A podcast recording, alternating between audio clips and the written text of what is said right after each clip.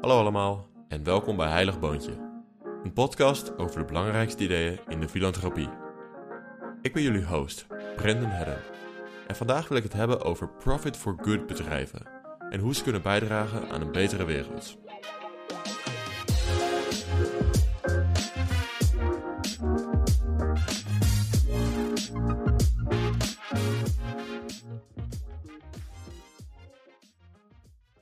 Je veel met mensen praat over filantropie of goede doelen, is er één type opmerking waarvan je bijna zeker weet dat je die op een gegeven moment gaat horen. Vaak is het iets als: Wat kan ik als individuele donateur nou voor verschil maken? Of: Maar goede doelen gaan toch nooit iets structureel veranderen? Ik noem dit de druppel op de gloeiende plaat kritiek.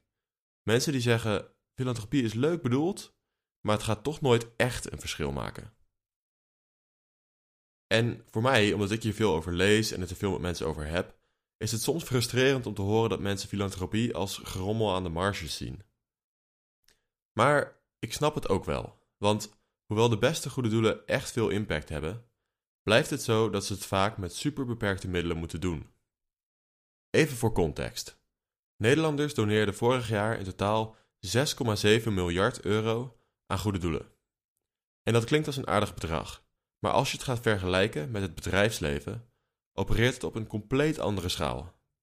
Volgens het CBS maakten niet-financiële bedrijven in datzelfde jaar 288 miljard euro winst. Dus het is ook niet gek dat steeds meer mensen naar bedrijven kijken om het voortouw te nemen bij maatschappelijke veranderingen. Dat is ook waarom ik de recente aankondiging van Patagonia zo fascinerend vond. Hier heb je een super succesvol bedrijf waarvan de eigenaar alle aandelen en alle toekomstige winst in handen van een stichting geeft, zodat het bedrijf voortaan volledig in dienst staat van natuurbehoud en het tegengaan van klimaatverandering. Voor mij voelt dit als een soort hack van het kapitalisme. Normaal moeten we met sociale druk en regelingen als de giftenaftrek aan de rijkste individuen trekken om ze maar iets terug te laten geven. Maar het voorbeeld van Patagonia laat zien hoe je een entiteit kan creëren binnen het huidige marktsysteem dat zolang het bestaat gaat bijdragen aan een betere planeet. Om meer over dit idee te leren heb ik Vincent van der Holst uitgenodigd. Vincent is ervan overtuigd dat profit for good bedrijven, zoals Patagonia, de filantropie en de wereld kunnen transformeren. Daarom heeft hij BOAS opgericht, een webwinkel die baby- en kinderproducten verkoopt en alle winst weggeeft. Wat het gesprek met Vincent voor mij leuk maakte, is dat het hem niet alleen om BOA's gaat, maar net zo goed om ervoor zorgen dat zoveel mogelijk mensen bekend raken met Profit for Good als idee. Ik ben heel benieuwd of jullie straks door Vincent overtuigd zijn van de potentie van Profit for Good bedrijven. Als je meer over BOA's wil weten, kun je een kijkje op hun website nemen. En als je meer podcasts en essays over filantropie wil, kun je je inschrijven voor Heilig Boontje op Substack. Oké, dat was het voor de introductie. Nogmaals, mijn naam is Brendan Hedden en dit is Heilig Boontje.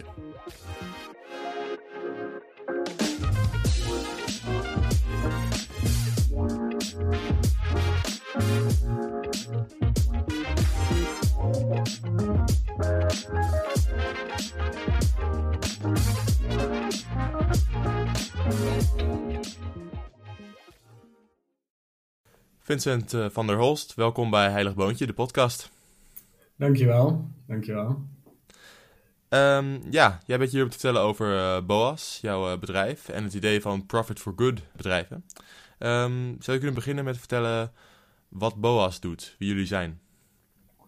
Ja, dus eigenlijk um, uh, wat we willen zijn is eigenlijk een duurzame bol.com die alle winst doneert aan, aan goede doelen. En in ons specifieke geval doneren we het om zoveel mogelijk kinderlevens te redden.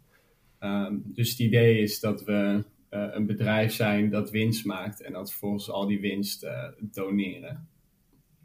En dat, um, ja, dat, dat is in het kort uh, wat we zijn en verkopen nu in de EU duurzame baby- en kinderproducten, maar we willen in de toekomst meer, meer categorieën daaraan toevoegen. Ja, ja en dat model, dat doneren van de winst, dat beschreef je als profit for good, geloof ik. Um, zou je dat ja. een beetje kunnen uitleggen, hoe dat werkt? Ja, dus het is eigenlijk, eigenlijk heel simpel. Dus je hebt conventionele bedrijven die maximaliseren hun winst en die geven dat vrijwel altijd terug aan investeerders en of founders. En een profit for good bedrijf doet eigenlijk hetzelfde. Het, maximaliseert de winst. Uh, ik denk dat we wel moeten proberen winst op een goede manier te maken. Maar vervolgens doneert het die winst aan goede doelen in plaats van dat het het geeft aan uh, investeerders en, uh, en founders. En filantropen zouden dan de investeerders in dit, in dit soort bedrijven zijn. Ja, precies. Dus um, de, eigenlijk de key hierin is waar de opbrengst, waar de opbrengst, de winst heen gaat, inderdaad. Dus verder functioneert het als een, winst, als een winstmakend bedrijf, maar dan doneert het, het wat het, uh, ja, de winst die het haalt aan goede doelen.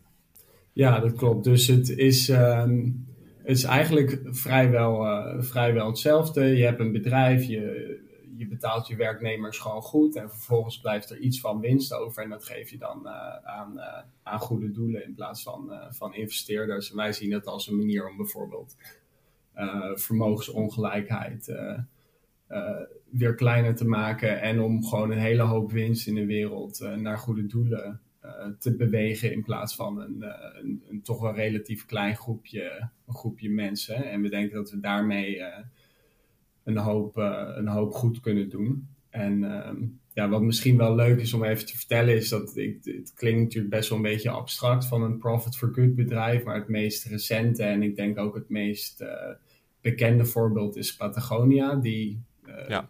Ja, op het moment van dit gesprek zo'n twee maanden geleden besloten hebben om eigenlijk alle, alle aandelen aan de wereld te geven. Dus ze hebben de founder, Yvonne, die heeft alle aandelen gegeven aan een foundation. Wat dus eigenlijk ook betekent dat in de toekomst alle winst naar die foundation gaat. En die foundation uh, heeft als doel om klimaatverandering tegen te gaan. En dat is eigenlijk hun, hun goede doel. Dus dat is een, een heel bekend voorbeeld. Maar uh, een ander voorbeeld dat eigenlijk niemand kent, inclusief de werknemers van dat bedrijf, is, is Bosch. Dus het is een bedrijf van uh, misschien jouw wasmachine uh, of grasmaaier. Bosch, met, zei je toch? Met een, met een B, Bosch. Bosch, ja, ja, ja uit, ja. Uit Duitsland. Dat is een bedrijf dat is voor 92% in handen van een foundation en, en 8% gaat wel nog naar de familie. Maar eigenlijk decennia lang gaat, gaat de winst van Bosch al naar naar eh, goede doelen. Um, en dat is een hele, een hele hoop winst. Uh, het, is, um, het verschilt natuurlijk een beetje hoe goed ze het doen, maar volgens mij is het meer dan 100 miljoen per jaar. En Patagonia zit ook op ongeveer dat niveau 100 miljoen per jaar. Al denk ik dat Patagonia nog wel hard gaat, gaat groeien de komende jaren. Ja. Dus dat wordt hopelijk meer, meer en meer. Ja, dat zijn wel interessante voorbeelden. Zeker omdat volgens mij inderdaad de meeste mensen Patagonia wel kennen. Of in elk geval dit nieuws is best wel groot geweest. En Patagonia ja. hier ook wel mee um, ja, adverteert. Dat klinkt een beetje cynisch, maar zeg maar... Um, ook wel uh, dit een onderdeel van hun merkidentiteit is in elk geval. Maar Bosch is dat volgens mij helemaal niet zo. Ik heb nog nooit een wasmachine gekocht. Ik heb er nooit ja. nog bij zien staan van alle opbrengsten gaan naar een goed doel of zo. Ja, dus eh, dat is ook hetgeen dat wij zeggen van we vinden eigenlijk dat profit for good eh, bedrijven daar gewoon trots op moeten zijn. Uh, mm-hmm. Net als Patagonia, want het is uh, ontzettend bijzonder en nobel, denk ik, om al je winst weg te geven. En um, het, is een, dat is ook een beetje de aanname uh, waarop we dit baseren. En daar is ook wel data en research naar. Is dat mensen willen gewoon liever voor dit soort bedrijven werken en er liever van kopen dan de concurrent die winst maximaliseert voor een, uh, een aandeelhouder. Dus ja, uh, om, een voorbeeld te noemen, koop je liever voor 1 euro Greenpeace tandpasta in plaats van 1 euro Procter Gamble tandpasta. Hetzelfde product, dezelfde prijs. winst gaat naar goede doelen. Dat, dat is een beetje de no-brainer situatie waar we mhm. naartoe willen. En Um, bij Bosch heeft eigenlijk die no-brainer situatie al. Bosch is, is gewoon, uh, staat wel bekend om uh, dat ze enorm goede kwaliteit hebben. Dus um, de beste wasmachines, als je dat mensen vraagt, dan zeggen ze meestal Bosch. Uh, nu met elektrische fietsen zijn Bosch de, de beste motoren. dus die, die leveren onwijs goede kwaliteit voor een, voor een goede prijs. En de winst gaat ook nog naar goede doelen. En sinds ik dat weet, ehm, persoonlijk, als ik een nieuwe wasmachine zou kopen, zou ik dan wel denken van, nou, dan, dan koop ik een Bosch. Ehm, en ehm, ik denk dat dat ook een beetje uh, de kracht kan zijn. En Patagonia gebruikt dat uh, juist heel erg. Dus toen ze dat gingen aankondigen, was dat ook echt een PR-moment. En ik denk dat dat, dat dat goed is, omdat het ook anderen aanspoort om uh, dit misschien te doen. Dus ondernemers om profit for good, for, for good bedrijven te starten. Uh, mensen te vragen ervan te, te kopen, ervoor te werken. Uh, en misschien ook filantropen of investeerders te bewegen om meer te investeren in, in dit soort bedrijven. Dus um, ja. ja. Ja, nee, ik kan me heel erg goed voorstellen dat dat een heel sterk onderdeel van je van je marketingcampagne en van je merkidentiteit kan zijn. Ehm, ja, en ik kan me ook voorstellen, want ik kan me, ik kan me best voorstellen dat het moeilijk is voor bedrijven die ehm, echt op een eerlijke manier willen functioneren om te concurreren met bedrijven die misschien wat meer de, de kantjes ervan aflopen, zo gezegd, of wat uh, scherpere marges hanteren. Uh, Patagonia bijvoorbeeld, weet ik tenminste dat ze ja, natuurlijk best wel um, duurzame producten ook willen maken en uh, eerlijk hun, de mensen die het maken willen betalen en zo. Dus dat is, ja, het zijn ook dure producten. Um, ik weet dus niet of dat voor Bosch, of die ook duurder zijn dan de, de concurrent. Um, volgens mij valt dat, volgens mij zijn die wel scherp geprijsd. Maar ja, ik denk dat, je daar, dat dat tegenover elkaar vaak staat. Dat mensen toch wel dat bereid zijn te betalen omdat ze dat weten van het merk.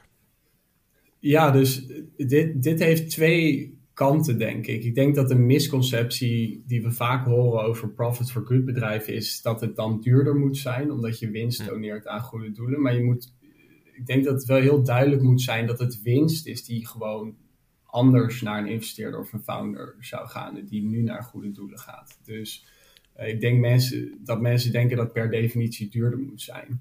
Um, dat hoeft niet. Dus in het geval van Bosch, dat zijn niet per se duurzame producten, zijn ook niet per se uh, producten, die, die concurreren gewoon uh, met, met andere wasmachine merken. En misschien zitten daar nog, nog, wel wat ethische kwesties aan. Maar in principe um, in principe is er geen reden dat een product van een profit for good bedrijf niet hetzelfde kost en dezelfde kwaliteit levert. Ik, ik zou zelfs verder willen gaan en zeggen, omdat mensen liever willen werken voor en kopen van dit soort bedrijven, dat ze uh, minder toe hoeven te betalen aan marketing. En mm. ze hebben betere werknemers. Die werknemers blijven langer in dit soort bedrijven, omdat ze uh, werken voor een, uh, voor een hoger doel. Dus we denken eigenlijk dat deze bedrijven sneller kunnen groeien, langer kunnen leven en zelfs winstgevender kunnen zijn omdat ze goed zijn. Dus dat klinkt als een, uh, misschien in het begin als een soort paradox. Maar ik denk dat Patagonia sneller groeit um, en winstgevender is nadat ze hebben aangekondigd alle winst te doneren. En dat zou dus ook kunnen betekenen dat ze hun prijzen wat omlaag kunnen gaan gooien in de toekomst. Zodat ze um, meer van, uh, van dat soort jassen gaan verkopen. Um, en op die manier wat schaalvoordelen halen. En omdat ze gewoon minder betalen uh, om een klant uh, binnen te halen. Dus ja. ik, um, mijn achtergrond is, is in de marketing. Dus ik weet ongeveer wat het kost om, uh, om klanten aan je te binden. En het is, het is heel duur om een sneaker te verkopen, gemiddeld. Er mm. komt heel veel radio, tv, online banners, Instagram, Google. komt van alles bij kijken. Je bent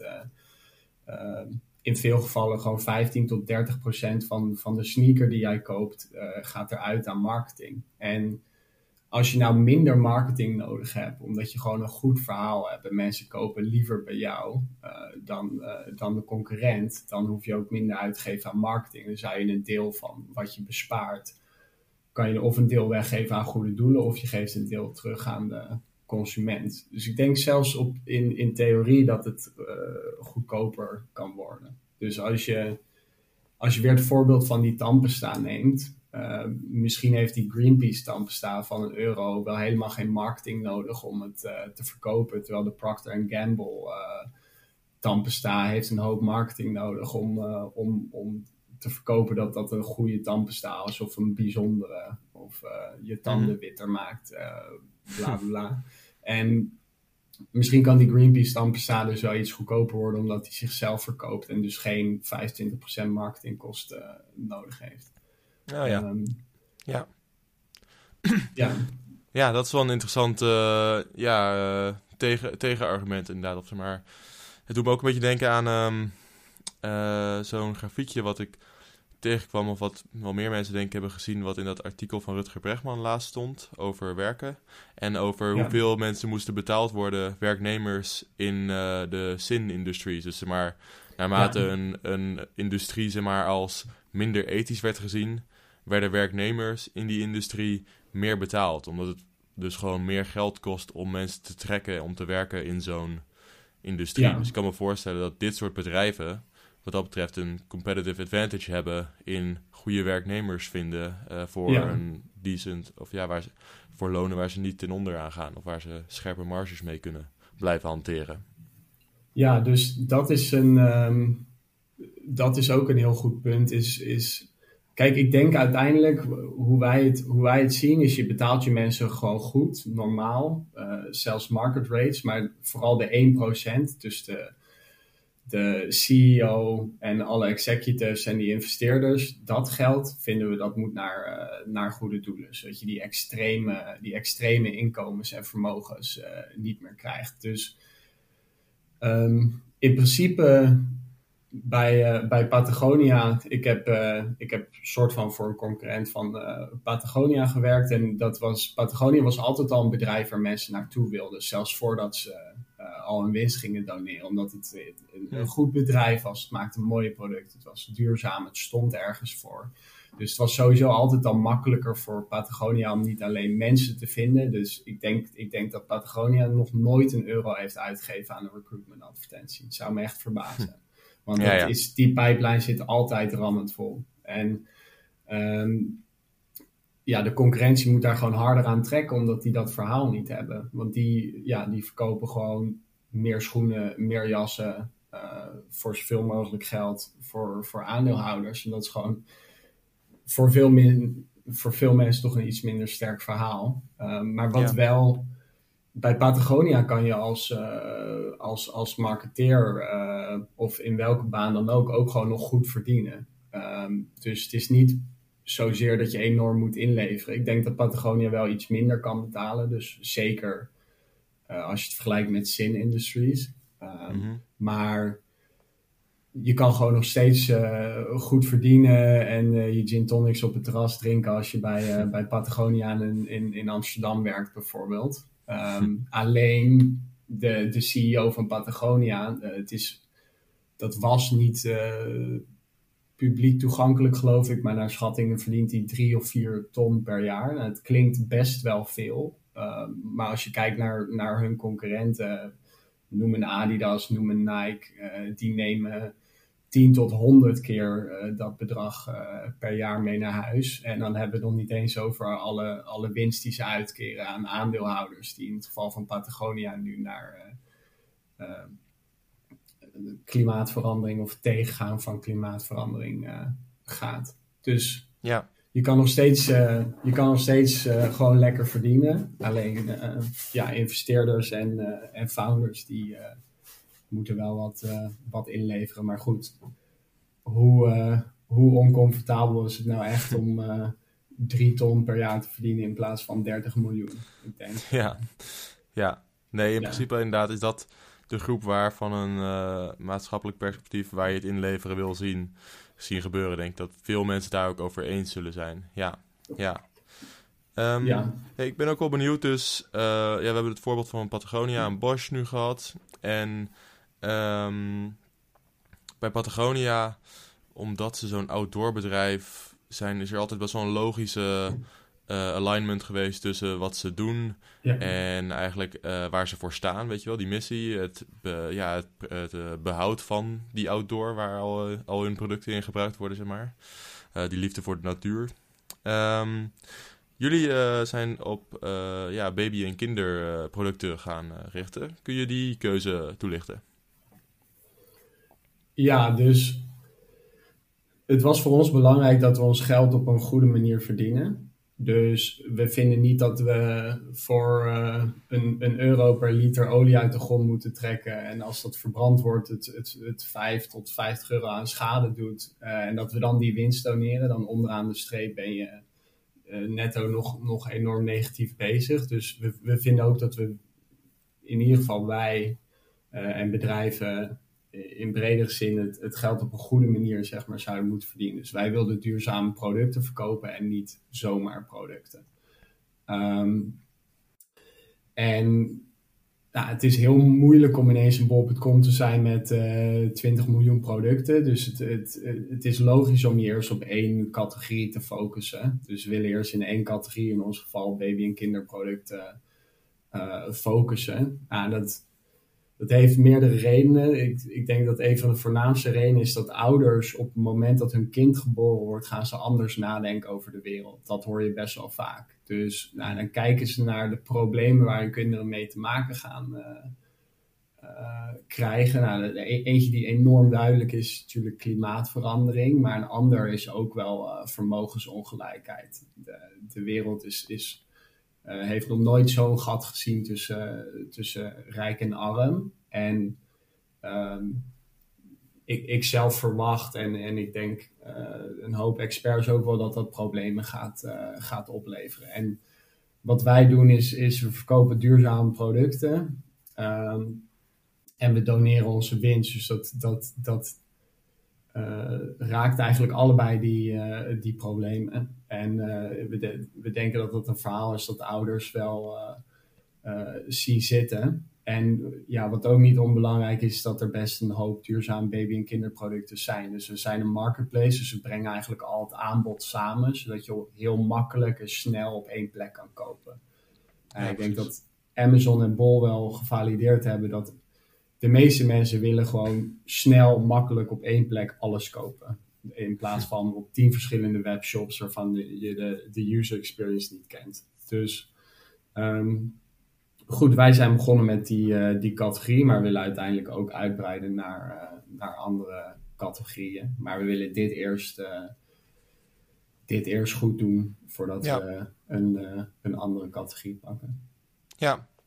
ja, nee, dat is wel interessant wat je zegt ook over dat, het, dat je het geld wel op een, een goede of een bepaalde manier wil verdienen. Ehm, want daar moest ik wel eh, eh, over nadenken toen ik soort van het profit for good concept een beetje eh, ja, tegenkwam van...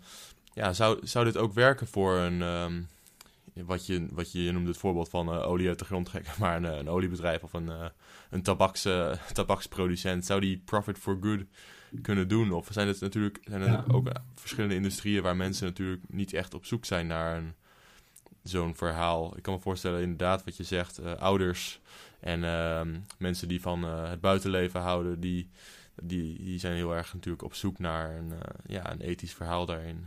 Ja. Zie je het voor Ja. alle, zie je het voor, zie je, denk je dat elk soort bedrijf een profit for good bedrijf kan zijn?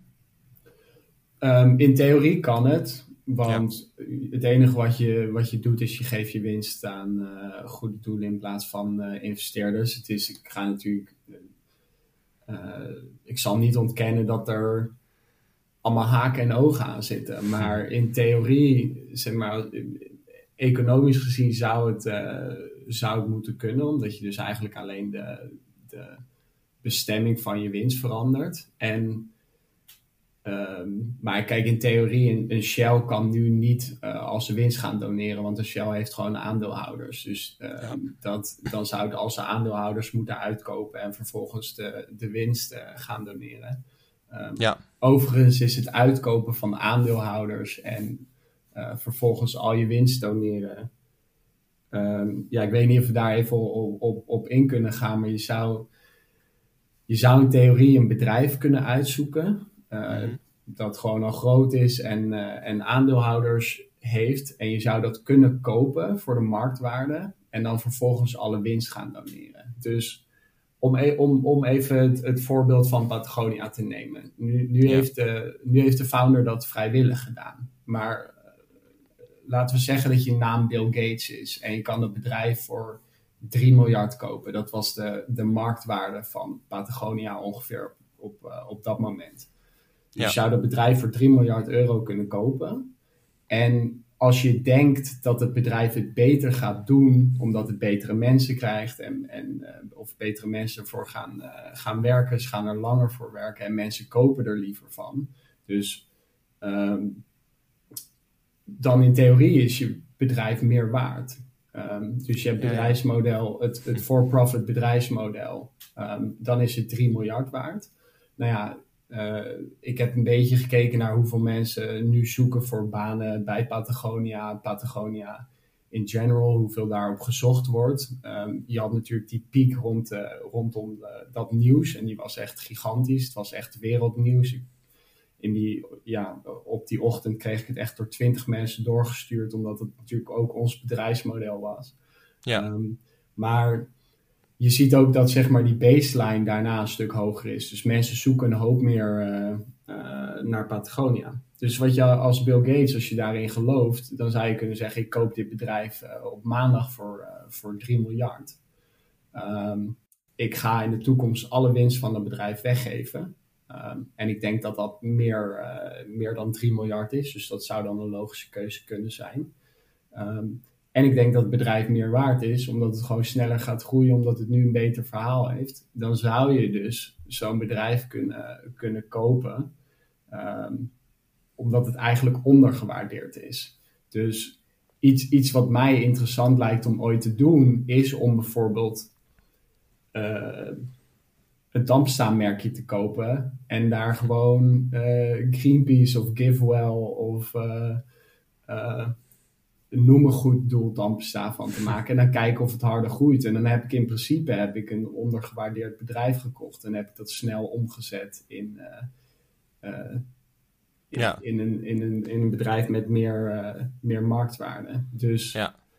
Maar die marktwaarde, daar ga je er wel vanuit natuurlijk dat um, voor de koper van het bedrijf dat die die marktwaarde wil inzetten voor um, ja. het grotere good. Want die gaat niet, dat gaat nooit meer naar zichzelf dat, dat klopt. Ja. ja. Ja, maar in het geval van Bill Gates uh, denk ik dat hij zoveel mogelijk goed wil doen met zijn geld. Dus dan, ja.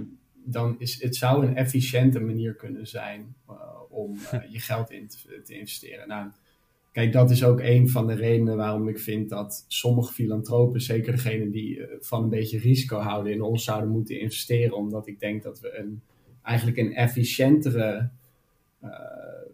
money multiplier zijn voor een investering dan ja, ja. een for-profit bedrijf. Dus je kan in onze concurrent investeren, dus uh, gewoon een random duurzame marketplace. Kan je een euro in investeren en dan hoop je 10 euro terug te krijgen. En die zou je dan eventueel als persoon later kunnen doneren.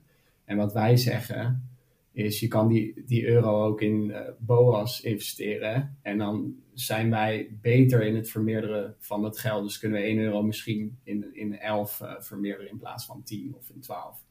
Uh, we weten niet precies hoeveel waarde dit, dit heeft.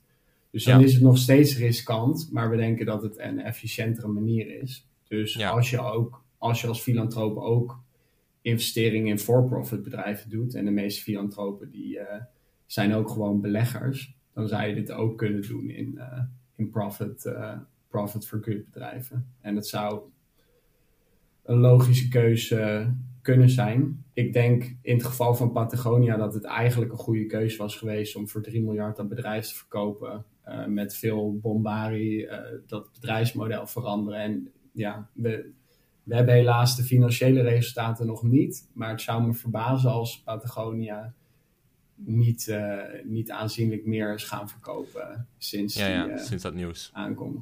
Ja, dus um, Ja. Het, het, het staat niet op de beurs, maar als een bedrijf zoveel goede PR krijgt in een paar dagen, dan gaat het ja, bijna altijd wel met, uh, ik, ik, denk dat het aannemelijk was dat met meer dan 10% uh, de beurskoers was gestegen. Stelt had op een beurs gestaan. En, en stel de investeerders zijn dan filantropisch. En dan zou je dus in, in één nacht zou je van 3 miljard, uh, in het geval van 10% 3,3 miljard gemaakt hebben. Dus eigenlijk 300 miljoen verdiend hebben voor goede doelen. Ja. Nou, ik zal de economische, wordt misschien iets economisch nu, maar um, goed, het zou, het zou dus kunnen. En om je vraag te beantwoorden, in principe zou elk bedrijf een profit for good bedrijf uh, kunnen zijn. Sterker nog, mijn. Ik, ik vind eigenlijk fundamenteel dat elk bedrijf als winst zou moeten doneren aan goede doelen. Iedereen betaalt zijn mensen gewoon netjes en goed. En dan kan je nog steeds uh, op het terras speciaal bier drinken en uit eten gaan. Maar ja, al die, al die winsten en vooral exorbitante winsten, dan heb ik het niet over de, weet ik veel, een, een bakker die 3000 euro uh, per maand verdient. Dan heb ik het echt over uh, Meta en Google en, en ja, ja, enorme bedrijven. Ik denk dat dat een flink verschil zou maken. Ja, ja dat, dat denk ik ook zeker inderdaad, ja. Um, ja, het is wel interessant, want je hebt het een paar keer ook een beetje over investeerders gehad. En investeerders slash filantropen. En ik merk inderdaad al dat die, die grens steeds uh, soort van vager wordt als je het over dit soort bedrijven hebt. Um, want ja, dat werkt natuurlijk een beetje anders als je gaat investeren in zo'n bedrijf. Want uh, ja, in principe, om even die structuur even, even helder te maken. Um, jullie hebben neem ik aan geen aandeelhouders, toch? Uh, hoe werkt dat bij jullie? Um, nou, op dit, op dit moment eh, is onze bedrijfsstructuur uh, nog best wel jong. Dus dat moeten we helemaal nog optuigen. Omdat wij gewoon nog een, uh, een, een, jonge start-up zijn. In principe zijn de aandelen nu gewoon in, in handen van mij. Um, ja. En uiteindelijk wil ik dat de, aandeel, de, dat de aandelen dus in handen komen van een foundation. Dus ja, hoe dat heeft Patagonia ook gedaan, hè? Om, voor de, de, ja, ja. Om, we weten niet exact de structuur van Patagonia. Um, maar wat dit soort bedrijven vaak doen, is ze hebben een, uh, ze hebben een non-profit. Ja. In Nederland is, het een, uh, is dat een ambi, maar dan heb je eigenlijk een foundation of een non-profit. En die heeft alle aandelen van, uh, van het bedrijf in handen met, met alle winstrechten. En dan heb je gewoon een, een BV of een for-profit bedrijf. En die heeft, alle aandeel, uh, die heeft alle aandelen met al het stemrecht. Dus laten we zeggen, we hebben de, de BOAS Foundation. Die heeft recht op al het dividend, alle winst. Dus heeft al het dividendrecht. En het bedrijf BOAS, die heeft al het stemrecht. Dus um, het bedrijf kan gewoon nog zijn day-to-day -day business doen. Zorgen dat het goed functioneert. Maar als er winst is, dan moet dat dus naar die foundation. En die foundation heeft dan een doel, zoals het redden van, uh, van kinderlevens. Of in het geval van Patagonia is volgens mij uh, een soort brede missie van uh, de planeet redden. dus ja. voornamelijk klimaatverandering. Um, dus er is ook niet één bedrijfsstructuur. Dus je kan nu niet naar de Kamer van Koophandel en zeggen: Ik wil een profit for good bedrijfsstructuur. En je staat drie kwartier later buiten. uh, dat, dat is gefixt, zoals een, een, een BV bijvoorbeeld. Dus um, je hebt dus nee, die foundation en die, uh, die for profit.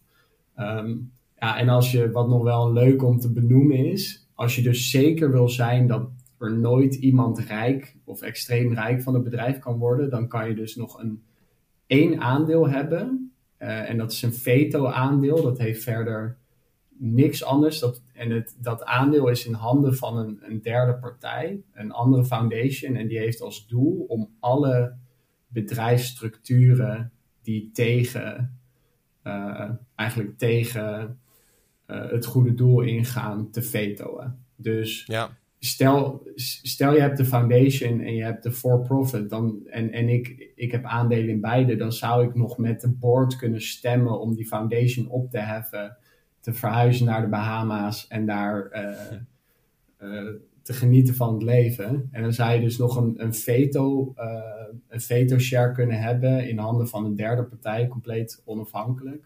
die, die partij bestaat. Um, die zou dat dan vetoen. Dus dan is het voor mij letterlijk onmogelijk om, om, om die winsten... Ja, op, om er ooit nog een winstgevend bedrijf voor jezelf van te maken, zeg maar.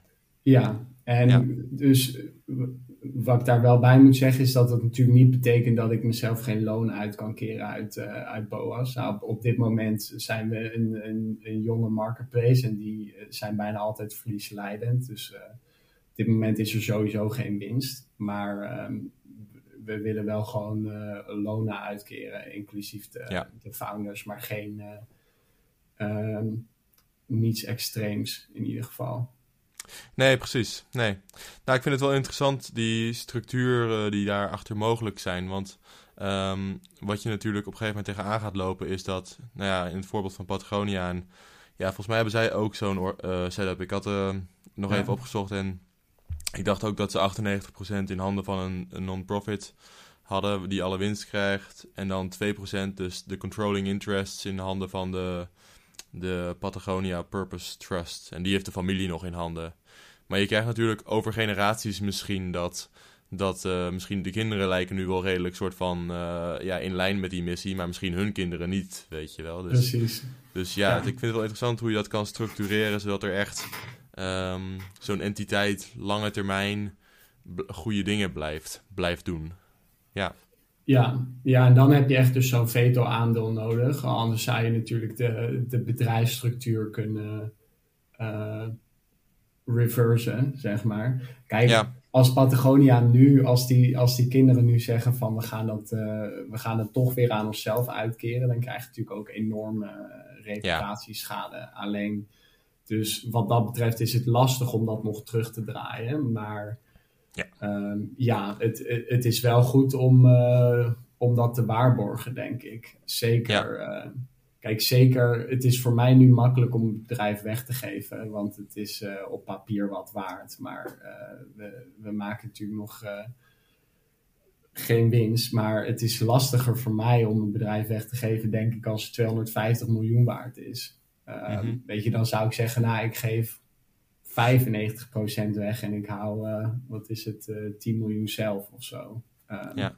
Dus ik, ik denk dat het ook wel belangrijk is om, uh, om dat vroeg te doen.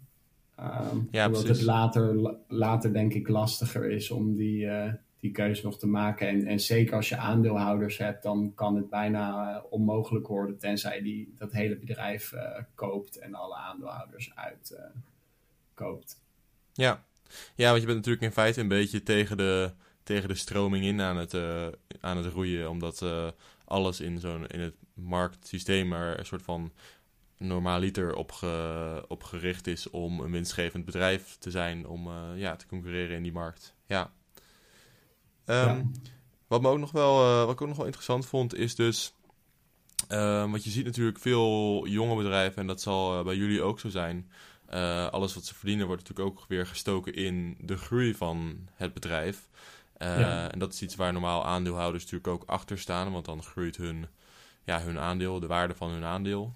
Um, hoe maak je die afweging bij een profit for good bedrijf? Want ik kan me voorstellen dat je ook op een gegeven moment misschien juist sneller geneigd bent om winst te gaan uitkeren, omdat het die, ja, je wil natuurlijk uh, die impact gaan maken. Maar dat is dan weer maakt het weer lastiger om te concurreren. Dus wanneer bepaal je wanneer je gaat winst uitkeren en wanneer is groeien de prioriteit? Ja, ik denk dat dit wel een lastige is. Want in principe, uh, de meeste bedrijven, zeker degene die heel groot willen worden en heel winstgevend willen worden, dus dat zie je bij heel veel techbedrijven, dat ze heel lang alles, alles herinvesteren in het bedrijf. Of dat ze zelfs heel veel jaren vrij extreme verliezen leiden, zodat ze maar zo hard mogelijk uh, kunnen groeien. Ja. En het idee daarachter is natuurlijk dat je bedrijf in de toekomst meer waard is en, en nog winstgevender. En eigenlijk is dat, uh, ja, nogmaals weer precies hetzelfde met een, met een profit for good bedrijf eigenlijk. Dus als ik nu een hele hoop uh, ga doneren, winsten die we, die, die we niet hebben of uh, dat we heel weinig gaan herinvesteren, dan kunnen we nu wel wat donaties maken, maar uh, in de toekomst misschien minder. En ik denk als je puur economisch bekijkt, zou je bijna al je winst willen herinvesteren in het bedrijf, zodat je sneller kan groeien en later meer winst kan doneren. Ehm, kijk, dan heb je ook nog het, het, het psychologische component en, en de gemiddelde consument, die wil natuurlijk ook zien dat je donaties maakt. Weet je, dus uh, het is natuurlijk niet heel. Uh, het is misschien niet heel geloofwaardig als je tien jaar lang verlies maakt en dat er staat Boas heeft 0 euro gedoneerd, uh, terwijl we misschien wel een miljard uh, verkocht hebben of zo. Dus terwijl dat, dat feitelijk wel is wat Amazon gedaan heeft. Dus ja, die, die heeft uh, 10 tot 15 jaar geen winst gedraaid. Dus die zou in theorie dan ook niks gedoneerd uh, kunnen hebben. Dus daar moeten we wel een afweging in maken. Sowieso vinden wij het belangrijk om, om eigenlijk radicaal transparant te zijn. Dus onze financiën zijn volledig open. Je kan, uh, je kan zien wat we verdienen, je kan zien wat we uitgeven, je kan zien wat er binnenkomt. Um, dus dan kunnen mensen zelf ook die berekening maken. Dus die kunnen nu ook zien van ja, die hebben niks om te doneren. Uh, de, want uh, die, uh, die maken gewoon geen winst. Um, maar we vinden het wel belangrijk om te laten zien dat we serieus zijn. Dus we maken soms wel wat donaties, ondanks dat we gewoon verlies draaien. Ja, um, had ik ook gezien op de website inderdaad. Ja, ja dus ik was ook wel benieuwd daarop. Ja, ja dus um, we hebben nu uh, we gaan nu richting de 2500 euro aan donaties. Dat is natuurlijk uh, nog, nog niet zo heel veel. Nogmaals, we zijn een, een, een jong bedrijf. Maar um, dat zijn in theorie gewoon uh, donaties die uit onze eigen zakken komen. Want dat is gewoon het geld van, van de founders.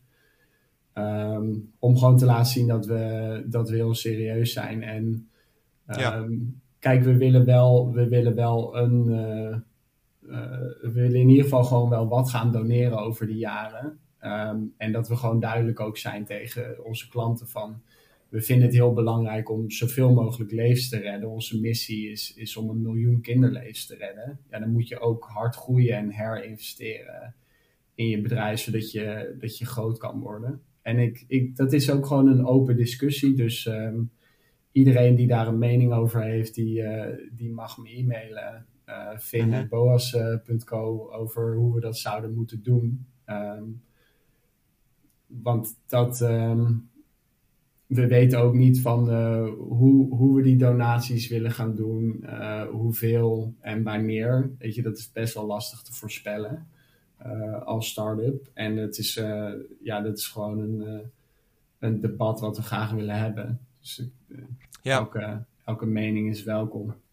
Ja, ja, want in feite is de belofte natuurlijk, totdat je donaties gaat maken, is eigenlijk de belofte vooral van, ja, we zullen nooit winst aan, aan, uh, aan een uh, aandeelhouder of zo. We zullen nooit winst uitkeren aan iemand die het eigenlijk niet nodig heeft of zo, weet je. Dat, dat is de belofte die je heel lang kunt maken. Uh, ja. ja, dat lijkt me een lastige afweging, ja. Ja, wat, wat één ding wat ook nog wel over investeerders uh, goed is om te benoemen, is dat wij, uh, Boas is ook gewoon op zoek naar investeerders. Nou, de, de reguliere investeerder is, uh, is niet interessant voor ons en het is niet interessant voor hun, want die willen gewoon hun, ja, hun investering willen ze zo, zoveel mogelijk verdubbeld zien worden en, of vermeerderd zien worden. En maar je moet wel de afweging maken. Ik denk dat het wel belangrijk is om een return aan investeerders te kunnen geven. Dus als je investeert in startups, 75, 80, 85 procent van de startups faalt. Dus hmm. stel je investeert vijf keer een miljoen in een start-up, dan uh, ben je waarschijnlijk vier keer dat miljoen kwijt. Hmm. Um, dus je wilt van diegenen die dan succes hebben, wil je wel iets van een return hebben om überhaupt maar te kunnen herinvesteren als investeerder ook. Dus we zijn, we zijn uh, ik ben in ieder geval niet tegen een, een kleine return voor investeerders die, uh, die in ieder geval wat terugbetaalt, zodat zij ook her kunnen investeren in andere impactbedrijven of andere profit for good bedrijven. Um, als je vier keer, uh, vier keer een miljoen doneert uh, en uh, ja, drie keer gaat het bedrijf op de fles, dan ehm, eh, raak je langzaam je geld kwijt. Dus in het geval van Bill Gates in het geval van Bill Gates, als die aanklopt, dan geef ik hem liever geen return, want die heeft toch al zoveel geld. Maar als het een, een impact investeringsfonds is, die echt heel serieus zijn over impact, dus niet een impact investeringsfonds die zich, zich zou noemen, maar wel honderd keer hun, uh, hun geld terug willen, ja, dan is het best, ik, denk ik, uh, logisch om wel iets van een return te geven. Um, zodat Ja. ze in ieder geval hun, hun fondsen op peil kunnen houden met. eh, eh, eh, en in de toekomst weer meer eh, in meer van dit soort bedrijven kunnen investeren. Dus we, het is gewoon een risico om in ons eh, te investeren. Ik bedoel, eh, we, hebben, we hebben een missie, maar het is gewoon eh, onzeker of we dat gaan halen. Dus iets van een return voor investeerders, dat, eh, of filantropen zelfs, kunnen we best, eh, best geven. Wij zijn echt op zoek naar eh, eh, in de markt relatief kleine returns. Dus ook dat cappen we weer. Dus dat we zeggen van eh, je kunt een re- eh, return krijgen, maar dat is maximaal twee of drie keer wat je, wat je ingelegd eh, hebt. En dat klinkt voor de gemiddelde consument misschien, misschien veel, maar dat betekent waarschijnlijk voor dat fonds dat als ze dat tien keer doen, dat ze ehm, minder geld overhouden dan, Ja, dan ze erin stoppen, omdat dit soort bedrijven ook gewoon Ja. Best vaak falen. ja, en dat zou ook eigenlijk alleen gebeuren in een scenario waarin jullie eh, dus echt enorm gegroeid zijn. Of zeg maar, dank, deels Ja. dankzij die investering waarop het echt heel goed gaat. Eh, Ja, ja. Ja, dus we gaan het ook op een manier structureren dat investeerders hun geld terugkrijgen op het moment dat we ook eh, dat het heel goed met ons gaat en dat we waarschijnlijk al hele mooie donaties aan het doen zijn die, die, die ja, het liefst een stuk meer waard zijn eh, dan die investeringen. Dus ehm, het, eh, Ja. het moet ook niet zo zijn dat we eerst al onze investeerders terugbetalen 20 jaar lang voordat we kunnen doneren. Dus dat is ehm, eh, we willen gewoon een deel van de, van de omzet, of het liefst van de winst, teruggeven aan de filantropen die, die in ons geïnvesteerd hebben. Ehm, zodat Ja. zij dat ook weer in nieuwe profit for good bedrijven kunnen, kunnen stoppen. Ja. Ja, het is wel een eh, ingewikkeld onderdeel ervan, eh, kan ik me voorstellen. Want Zeker. Het raakt ook een beetje aan natuurlijk ehm, dat, dat, dat, die, dat, dat onderdeel van de winst is natuurlijk een cijfer wat, zoals we net al een beetje over hadden met dat herinvesteren. Ehm, Ja. ja, die, de- wat de winst is, bepaal je natuurlijk enigszins zelf als, als bedrijf. Dus ik kan me voorstellen, en dat is dan een soort van, als je met een hele cynische blik gaat bekijken, dat er, er komt vast een keer een bedrijf dat soort van ehm, eh, gro- grote lonen of ehm, dat het een bepaalde manier opzet, dat het een soort van tegen een greenwashing-achtige scenario Ja. aankomt. Ja, en dat zou dan natuurlijk het weer helemaal verpesten voor, voor de rest van de Ja. profit for good eh, sector. Ja, dat, dat, is een, dat is wel een heel goed punt. Want je zou in theorie. Winst is enorm kneedbaar. Dus als je als bedrijf geen winst wil maken volgend jaar, is dat eh, zeker mogelijk. Dan herinvesteer je gewoon alles of je gooit de loon omhoog. Er zijn Bonusje. bonusje, er zijn onge- ongetwijfeld nog heel veel mooie structuren waar, waar advocaten en accountants mee op de, ja, die, die Ja. kunnen bedenken. Maar ja, je zou.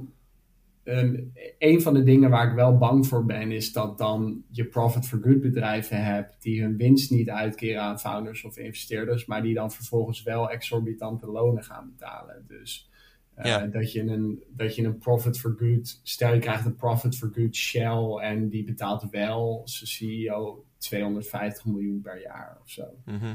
Ehm, en dat is dan een loon die er voor de winst uitgaat. Ja, dat is niet, dat is niet hoe wij het bedoeld hebben. Zeker niet. Ja, ja. Ehm, En ehm, ja, eh, kijk, we willen, we willen dat mensen goed kunnen verdienen. En, en het, het is een heel, hele lastige keuze, want wij zijn in theorie een techbedrijf. En stel er komt een eh, echt een supergoeie engineer van, eh, van Google of van Amazon of zo. En die wil voor ons werken. En die verdient nu, die verdient nu 400.000 per jaar of een miljoen. Eh, er zijn genoeg engineers bij dat soort bedrijven die dat verdienen. Ehm, ja, dat vinden veel mensen extreem veel. Dat vind ik ook best, eh, best extreem. Ehm, maar stel die engineer zorgt er wel voor dat wij extreem hard kunnen groeien en meer uh, kunnen verdienen in de toekomst ja, uh, voor, voor goede doelen. Dus dan is het best wel lastig van um, hoe, ver, hoe ver ga je om het talent aan te trekken. Dus stel elk bedrijf is straks een profit for good. Ja, dan gaan die ook weer een soort oorlog beginnen om talent. En ja, dat draait dan deels ook om lonen. Dus uh, ja, ik ben er wel uh, waakzaam voor dat dat zou kunnen gebeuren. Um, ja. als, als elk bedrijf een profit for good is en, en uh, Shell wil de CEO van, weet ik veel, een ander bedrijf voor zich winnen. En die biedt 200 miljoen loon, waar die eerst 175 miljoen verdienen. En op die manier kan je wel weer exorbitante lonen krijgen. Um, ja. Maar goed, ik, ik denk Um, ja, er zijn natuurlijk altijd voor's, uh, voor's en tegens te noemen. Um, uiteindelijk hoop ik dat consumenten gewoon steeds vaker met hun portemonnee gaan stemmen. Van uh, je, je koopt hetzelfde product voor dezelfde prijs. Wil je dat jouw winst naar aandeelhouders gaan of wil je dat het naar een goed doel gaat uh, ja. waar jij achter staat? En op dit moment heb je gewoon extreem weinig keus daarin. Dus je volgende wasmachine, uh, denk, denk na over een Bosch. Of um, ja. uh, als je het geld hebt, koop dan een Patagonia jas. Um, mm -hmm. En ja, ouders zouden erover na kunnen denken of ze niet, uh, of ze niet de volgende cadeau of rompertje of wat dan ook bij ons uh, willen bestellen. We, we, we kosten we verkopen duurzame producten, dus die zijn, die zijn duurder dan niet duurzame producten. Alleen we vragen niet meer dan onze, uh, onze concurrenten die dezelfde producten verkopen. Dus, um, ja. En als steeds meer mensen dat doen, ja, dan, dan is er ook een, een incentive om meer van dit soort bedrijven te starten. En um, dan is er denk ik ook een, een incentive om dan geen exorbitante uh, lonen uit te betalen. Omdat mensen ja, dan denken van ja, dat is uh, niet, uh, niet wat ze willen. Dus gaan ze misschien naar de concurrent die, die mensen wat, wat eerlijker betaalt. Ja, ja, wat dat betreft vind ik jullie oplossing van ehm, ja, gewoon de Excel-sheetjes op de website zetten van uh, dit, is, uh, dit is wat wij betalen. Dit is, ja, alles staat er in feite. Je kunt alles terugzoeken bij, uh, bij jullie. Dat is voor jong bedrijf denk ik best wel een mooie oplossing. Want dan neem je dat, um, die angst die denk ik mensen hebben. En dan, weet je wel, zitten wij allebei, zijn wij allemaal in de goede doelen soort van sector. Dus hebben wij dat cynisme ja. misschien niet. Maar ja, ik, weet, ik spreek toch vaak mensen die best wel cynisch zijn over alles wat soort van... Ja. wat je altruïstisch kan kunnen noemen. Um, maar dat is wat dat betreft dan wel een mooie oplossing. En dan denk ik later inderdaad dat zo'n, als je grotere bedrijven, die echt goed moeten, ja. goed, dat goed moeten vastleggen in van die structuren waar we het net over hadden. Want dan haal je alle mogelijkheden weg, in feite, uh, om het nog tot het verkeerde doel te, te wenden. Ja, dus ik denk dat een soort medierende factor hierin dus die radicale transparantie is. Dus ja. dat je gewoon, wij laten gewoon zien dit is wat we mensen betalen, dit is wat we van plan zijn, uh, dit is wat alles kost. En als mensen daar een mening over hebben, is die enorm welkom. En als er dan een concurrent komt die het nog beter gaat doen, of, ja, dan is dat ook uh, enorm welkom. Dus iets wat ik persoonlijk veel belangrijker vind dan het succes van BOAS, is het succes van Profit for Good. Want Um, kijk, wij kunnen in ons eentje maar, uh, maar zoveel. Maar stel je hebt straks duizend bedrijven en je kan naar de Albert Heijn en je kan die Greenpeace tandpasta kopen en die GiveWell, uh, dat GiveWell afwasmiddel uh, in plaats van Procter Gamble of Unilever of GlaxoSmithKline. En het is dezelfde prijs, hetzelfde product. Ik denk dat mensen die keuzes gaan maken en dat je dus meer en meer van dit soort bedrijven gaat krijgen. En op dit moment zijn we echt met uh, wereldwijd misschien een paar dozijn bedrijven die uh, al hun winst doneren. Um, ja. En dat, moet, ja, dat, moet, dat moeten er veel en veel meer zijn. En voor mij is het, het is, ik, ik zie uh, succes echt als um, die beweging op, op gang krijgen. Dus mensen starten die bedrijven, ze gaan ervoor werken, ze gaan ervan kopen en filantropen gaan erin in investeren. Dus dat is echt, mijn visie is gewoon dat de winst van bedrijven moet gaan naar degene die het het meest nodig hebben in plaats van aandeelhouders. Ja. ja, want je noemde ook dat je een groep aan het opzetten was, toch, van dit soort bedrijven. Je had het over de Charitable, Charitable Profits Alliance. Zou je kunnen vertellen wat dat uh, inhoudt? Ja, dus, uh, dus, dus CPA, de Charitable Profits Alliance, is eigenlijk uh, gewoon een groep bedrijven die al hun winsten doneert. Met als gezamenlijk doel te zorgen dat, niet, dat, we het niet alleen zelf beter gaan doen. Um, maar dat er ook meer van dit soort bedrijven uh, starten en dat we ze hulp, uh, dat we ze hulp bieden met, met advies, dus juridisch, het ophalen van geld, zodat ze sneller kunnen groeien en meer kunnen doneren in de toekomst. dat, dat ondernemers naar ons toe kunnen en zeggen van hé, hey, ik wil zo'n bedrijf opstarten, dat ze dan hulp krijgen bij hoe, dat, hoe dat werkt. Want als je als je nu een normaal bedrijf wil opstarten, dan zijn er duizend video's, blogs. Je kan gewoon googlen en je krijgt het antwoord. Ehm, als je een Profit for Good wil beginnen, dan is dat wel nog lastiger. Dus dat is een van de redenen. Uh, ook denk ik dat het uh, nog niet hard genoeg gaat, is omdat het gewoon, gewoon lastig is. Uh, ja, als ik, als ik de, die bedrijfsstructuur op wil tuigen, dan is dat duurder en lastiger. ons, ja. ons rechtssysteem is er niet voor gebouwd. Um, investeerders vinden het heel interessant, maar de gemiddelde investeerder die ik spreek, die heeft dit verhaal, nog nooit zo'n verhaal gehoord. Dus die, hm. ja, dus die, moet nog, ja, die moet je nog helemaal meenemen en overtuigen van waarom dit iets zou, zou kunnen zijn voor, voor hem of haar.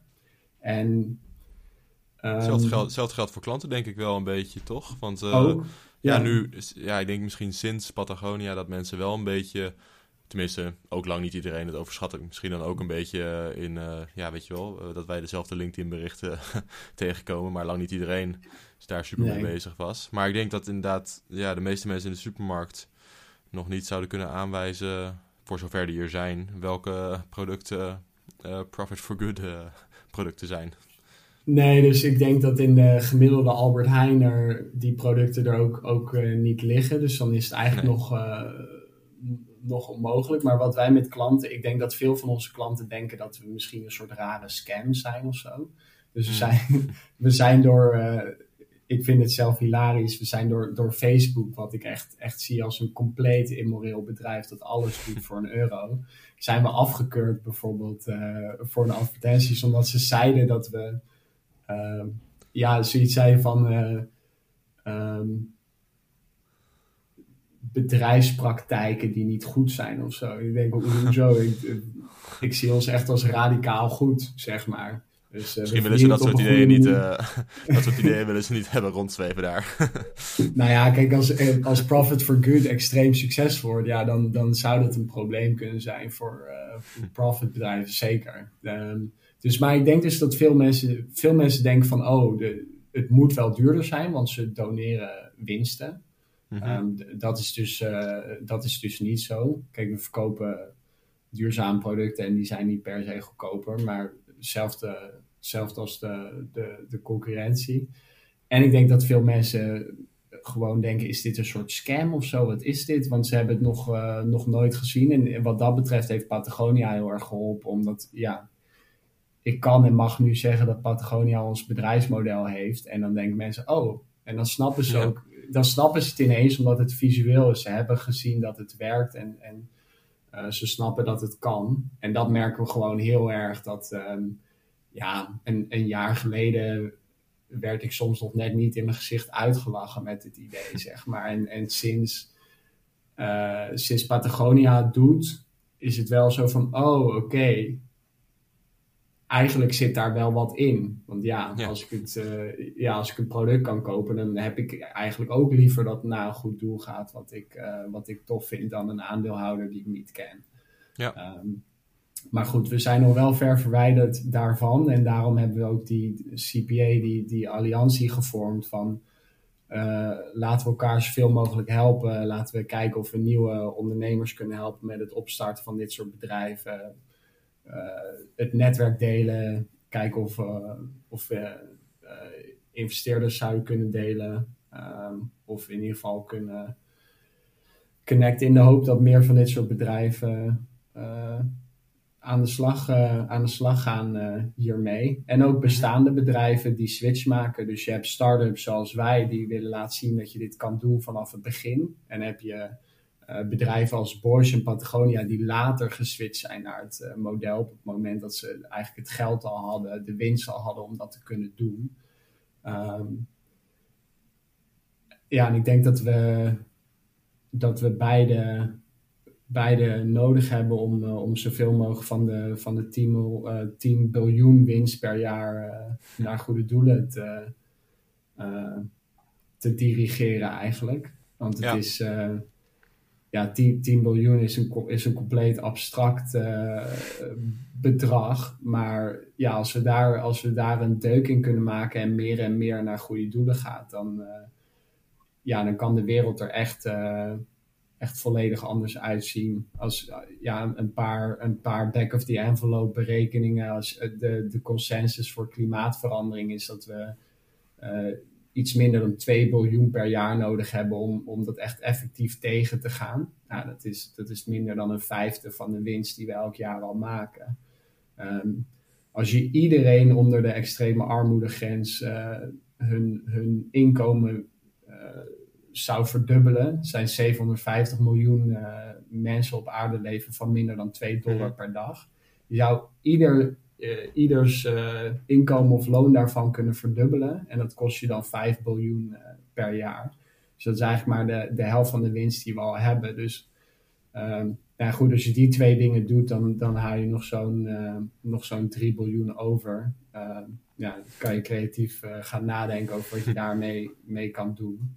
Dat is, dat is echt de, Ja. de utopie. Maar als je echt gaat nadenken over hoe de wereld eruit zou kunnen zien, als we zorgen dat, dat de winst in de wereld terechtkomt op de, de, de plekken of bij de mensen waar het echt het meest nodig is, ehm, dan zou die wereld er eh, echt, eh, echt anders uitzien en, en ik denk eh, een, stuk, een stuk beter. Dus dat, Ja. ja. ja, dat is eigenlijk waarom ik doe wat ik doe, omdat ik denk dat het gewoon heel belangrijk en effectief kan zijn. Ja, nou, dat is ook wel de grote, de grote kracht van dit idee, denk ik inderdaad. Is dat ehm, kijk, ik schrijf en podcast vooral over de goede doelensector. eh, en wat daar opgehaald wordt, wat van zeg maar, donateurs moet komen. Maar dat is natuurlijk uiteindelijk een fractie vergeleken met de, de winsten en gewoon ja, wat er uit het normale functioneren van het bedrijfsleven komt. Dat zijn gewoon Ja, zulke enorme bedragen. En als dat inderdaad een soort van omgezet kan worden naar betere doelen, dan, dan, ja, dan is dat eh, op een schaal die eh, ja, bijna niet te vergelijken is met de, de reguliere goede doelensector. Ehm, ja. en een van de, ja, misschien een, een interessante laatste vraag eh, voor jou is dan ook van, ehm, wat denk je dat dat betekent voor de invloed die bedrijven natuurlijk hebben op ons soort van maatschappelijk belang? Ehm, dit is een discussie die je ook wel nu veel ziet met de, de biljonair eh, philant- philanthropists, maar, weet je wel, de, de, de Bill Gateses en de, ehm, de, de, de Dustin Moskowitzes die zeg maar enorme bedragen weggeven, maar daardoor dus eigenlijk ook enorm veel meer invloed op het functioneren van de goede doelensector, op wat maatschappelijk belangrijk is, de agenda zo gezegd, hebben dan de normale burger. Ehm, en dat stimuleren we met de giftenaftrek ook nog eens. Dus er zit ook nog eens een Ja. element van ja, ehm, dat wij er maar aan meebetalen, zo gezegd. Ehm, ja, want ik kan me voorstellen als je naar zo'n eh, die utopische wereld gaat, dat eh, bedrijven natuurlijk wel nog steeds zelf kiezen waar ze aan doneren. En nou zijn er heel apolitieke goede doelen, zoals inderdaad, weet je wel, het redden van, jullie hebben het over het redden van kinderlevens in ontwikkelingslanden of zo. Dat is, dat is ongeveer zo apolitiek, vind ik dan, als maar kan. Maar er zijn ook, klimaatverandering is, vinden sommige mensen al een soort van controversiëler. En als je dan naar ja. dierenwelzijn gaat, dan wordt het nog een stukje eh, minder. Dus wel, hoe, hoe, kijk, hoe kijk jij daarnaar? Vind je dat bedrijven die invloed zouden moeten kunnen hebben? Nou, dat vind ik een hele lastige, want ik denk dat de mensen die zeggen dat eh, tech-miljardairs of, of miljardairs in general, dat die eerst je, je bent een enorm bedrijf. Je verdient gigantisch veel geld. En dat geld heb je alleen verdiend omdat er miljoenen mensen zijn die van je kopen en voor je werken. Mhm. En vervolgens komt dat terecht bij één persoon of een, een groepje personen. ehm, door een systeem dat denk ik gewoon fundamenteel kapot is. En dan gaan dat kleine groepje personen of in, in, in, in, in, soms eh, dus één persoon die gaan beslissen wat er met dat geld moet gebeuren. En nou ja, ik denk dat het ehm, niet gek is om dat ondemocratisch te noemen. Ehm, ja, en ik denk wel dat dat een probleem is, want ja, ik denk dat de gemiddelde, gemiddelde miljardair in een, wel in een bubbel zit. Ik bedoel, ik zit ook in een Amsterdamse bubbel. En ik denk dat het geld ergens naartoe moet, maar ik kan het ook gewoon volledig fout hebben natuurlijk. En I- Elon Musk die, eh, die heeft allemaal ideeën van wat we moeten, wat we moeten doen, eh, wat een goed doel is. En ehm, ja, daar kan je het mee, oneen, eh, mee eens zijn of oneens. Maar feit is dat hij met zijn honderden miljarden bepaalt waar dat geld heen gaat. Mhm. Uh, en hij heeft daar een idee bij. Hij denkt dat het juist is. En, en ehm, ik heb niet het idee dat hij heel erg eh, naar de meningen van anderen luistert. eh, in dat geval. Dus ik denk zeker dat het een supergoed punt is. En als je dan dus straks allemaal bedrijven hebt. Stel, stel elk bedrijf doneert zijn winst. Dan gaan ze natuurlijk allemaal misschien kiezen waar dat naartoe moet gaan. Ehm, ik denk dat het dan wel al iets democratischer wordt. Dus dan heb je bijvoorbeeld de Greenpeace tandpasta, je hebt de GiveWell tandpasta, je hebt de, eh, we gaan eh, een backup van de mensheid op Mars maken tandpasta. Ehm, en dan kan je dus die allemaal kopen voor een euro en dan kan je op die manier een soort van stemmen waar dat geld Ja, ja. naartoe gaat. Maar eh, het blijft natuurlijk niet helemaal democratisch. Dus Ehm, ik denk wel dat het goed is voor bedrijven om dat op een bepaalde manier democratischer te maken door met hun, eh, met hun klanten een soort, ja, misschien een soort adviesraad te vormen van waar het, eh, het geld eh, gedoneerd gaat worden. En ik, ik denk dat veel miljardairs dat in ieder geval wel proberen. Ik weet dat, dat Bill en Melinda Gates met hun foundation, die hebben wel gewoon een team van experts.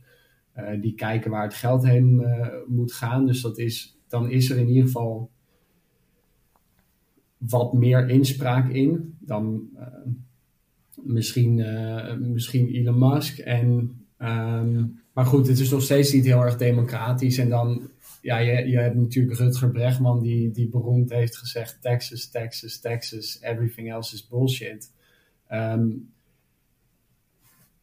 ik denk dat we dat ook moeten hebben. Dus ik denk de, de reden dat Profit for Good moet bestaan, is omdat bedrijven gewoon niet hun fair share uh, in belastingen betaalt. Ik bedoel, hoe, hoe groter en winstgevender je als bedrijf bent, uh, hoe relatief lager uh, belastingpercentage je betaalt. Je gebruikt, je gebruikt de infrastructuur, je gebruikt de mensen, je gebruikt alles in een land en vervolgens uh, draag, je, draag je niks af om, uh, of weinig af om die infrastructuur uh, te bouwen of te onderhouden. En dus ik denk dat hogere belastingen op, op winsten en vermogens ontzettend nodig is. En dus ik zie dat ook niet als een, als een, een of-kwestie. Ik denk dat we dat allebei moeten doen. Dus we moeten en hogere belastingen, we hebben meer filantropie nodig en we hebben profit for good bedrijven nodig. En ik weet niet of profit for good de oplossing is. Uh, ik weet wel dat filantropie gaat op dit moment. Er is filantropie, maar we hebben, we hebben 10 biljoen winst per jaar en we geven ongeveer 750 miljard uh, per jaar weg aan goede doelen, uh, bedrijven en personen. Dus dat is 7,5 procent van wat er eigenlijk uh, binnenkomt elk jaar. Ja. Nou, dat vind ik veel te weinig. Um, dus dat gaat niet zo heel goed. Nou, en om belasting hoef ik denk niet eens te beginnen als ik kijk naar wat, wat uh, grote bedrijven aan belastingen betalen. Dan is dat uh, is die opdracht echt volledig mislukt. Want de extreem rijke en de, de meest winstgevende bedrijven op aarde, die betalen gewoon niet de belastingen die ze zouden moeten betalen. Um, en ik denk dat die discussie veel meer daarover moet gaan. Ik denk dat de discussie veel te veel gaat over belastingen voor mensen die, die veel geld verdienen. Maar ik denk dat het gewoon moet gaan over, over miljarden en honderden miljarden. En niet over die personen die, uh, die 100.000 per jaar verdienen of 200.000 per jaar. Ik denk dat die misschien in sommige landen ook niet voldoende belasting betalen. Maar ik denk dat we eerst met die extreme rijkdom moeten beginnen. En um, belastingen, belastingen zijn misschien het meest democratisch uh, van de drie. Um, maar daar zit ook politiek aan vast. En ja, politiek uh, uh, is, is denk ik soms, maken soms ook keuzes die misschien, die misschien lastig zijn. Ik, ik vind dat dat qua buitenlandse politiek dat we veel meer zouden moeten doen aan, uh, aan extreme armoede en immigratie bijvoorbeeld. Maar goed, dat is mijn, uh, dat is mijn mening als ik 100 miljard te besteden heb. Uh, ja. en ik ga het ondemocratisch weggeven. Ja, dan denk ik wel dat dat problematisch is. Ja. Dus om een, ja, om een lang verhaal kort te maken, ik denk dat we, ik denk dat we veel meer filantropen uh, zouden moeten hebben. Ik denk dat de, dat de extreme rijken op aarde veel meer verantwoordelijkheid uh, zouden moeten nemen. Jij, jij bent extreem rijk geworden met de hulp van miljoenen mensen die voor je gewerkt hebben en van je gekocht hebben. Ga dat dan ook delen met die mensen. Ja. Um, en als ik zie dat er dan minder dan 10% uh, elk jaar weggegeven wordt, um, dan. Um, dan is dat een probleem. Zeker als er al zo weinig belasting over betaald is. En daardoor, uh, daardoor hebben we best wel hoge belastingen op, uh, op werk. Um, dus als ik, uh, als ik een ton per jaar verdien, wat een, een belachelijk goed loon is, waarmee je extreem, een soort van extreme rijkdom hebt als je kijkt op wereldwijd niveau, ja. dan, dan betaal je 50% belasting. Maar een, een, een bedrijf dat miljarden, tientallen miljarden of zelfs honderden miljarden verdient. En de eigenaren daarvan die betalen, dat komt niet in de buurt van die 50%. Dat, ja. uh, dat zit een stuk dichter bij de nul dan uh, bij de 50. en dat is best wel raar. Dus hoe meer je gaat verdienen ehm, en hoe meer vermogen je hebt, hoe, hoe, relatief minder belasting je daarover gaat betalen. En ik snap heel goed ja. waarom het gebeurt. Want het is, het is gewoon een race tussen landen om een steeds mooier belastingparadijzen op te tuigen. Um, maar dat heeft wel voor een hoop problemen gezorgd. Dus ik denk dat we ja. meer filantropie, meer, meer belastingen en uh, profits for good, dat we daar alle drie aan uh, moeten werken. En ja. dat we vooral niet, dat vooral die drie groepen onderling uh, het niet met elkaar moeten uitvechten over wat de beste oplossing is. Ik denk dat we het gewoon alle, allemaal moeten proberen in de hoop dat geld weer iets eerlijker te, te gaan verdelen. Ja, dus uh, Texas, Texas, Texas. Maar de rest is ook belangrijk. Uh, zo. Ja, ja zo ja. ja, nee, ik ben met ja. je eens. Je moet, je moet gewoon een, een natuurlijk een uh, diverse een scala aan oplossingen proberen. En, en ik ben ook heel benieuwd. Ik vind Profit for Good een heel interessant concept. Het is bij mij natuurlijk ook pas op mijn radar gekomen met Patagonia eigenlijk. Um, dus uh, ik vind het leuk dat we het zo een beetje hebben kunnen duiden. En ik denk dat een groot onderdeel van het succes of niet succes wordt in hoeverre de, de klant, degene die zoals je zegt een beetje stemt met zijn, uh, met zijn geld, er bekend ja. mee raakt en het uh, oppakt. Dus ik, ik hoop dat we daar een beetje aan hebben kunnen bijdragen vandaag. Ja, ik, ik, hoop het ook. Dus de, de, klant, de klant moet straks die keuze gaan krijgen en we hebben bedrijven nodig die die klant de keuze gaan geven. En dan, uh, ja, dan, hoop ik, uh, dan hoop en denk ik dat we uh, steeds, meer, steeds meer gaan doen wat ik, wat ik denk dat juist is. Ja, ja. Oké, okay, Vincent, bedankt voor vandaag. Ik vond, het een, ik vond het een heel interessant verhaal. En volgens mij hebben we ja, een hoop interessante dingen besproken. Ja, jij, jij ook bedankt. Bedankt allemaal voor het luisteren naar Heilig Boontje. Ik wil Vincent bedanken voor het vertellen over Boas. En als je meer wilt lezen of luisteren, kun je naar heiligboontje.substack.com gaan. Uh, schrijf je daar vooral in met je e-mailadres om updates te ontvangen. Ik probeer eens in de twee weken iets online te zetten. Of als je al ingeschreven bent, stuur mijn e-mails eens door naar iemand van wie je denkt dat die het interessant zou vinden om meer over filantropie te lezen en luisteren. Voor mij is dat echt de beste manier om meer publiek te bereiken en te groeien. Oké, dit was het voor Heilig Boontje vandaag. Bedankt voor het luisteren en tot de volgende keer.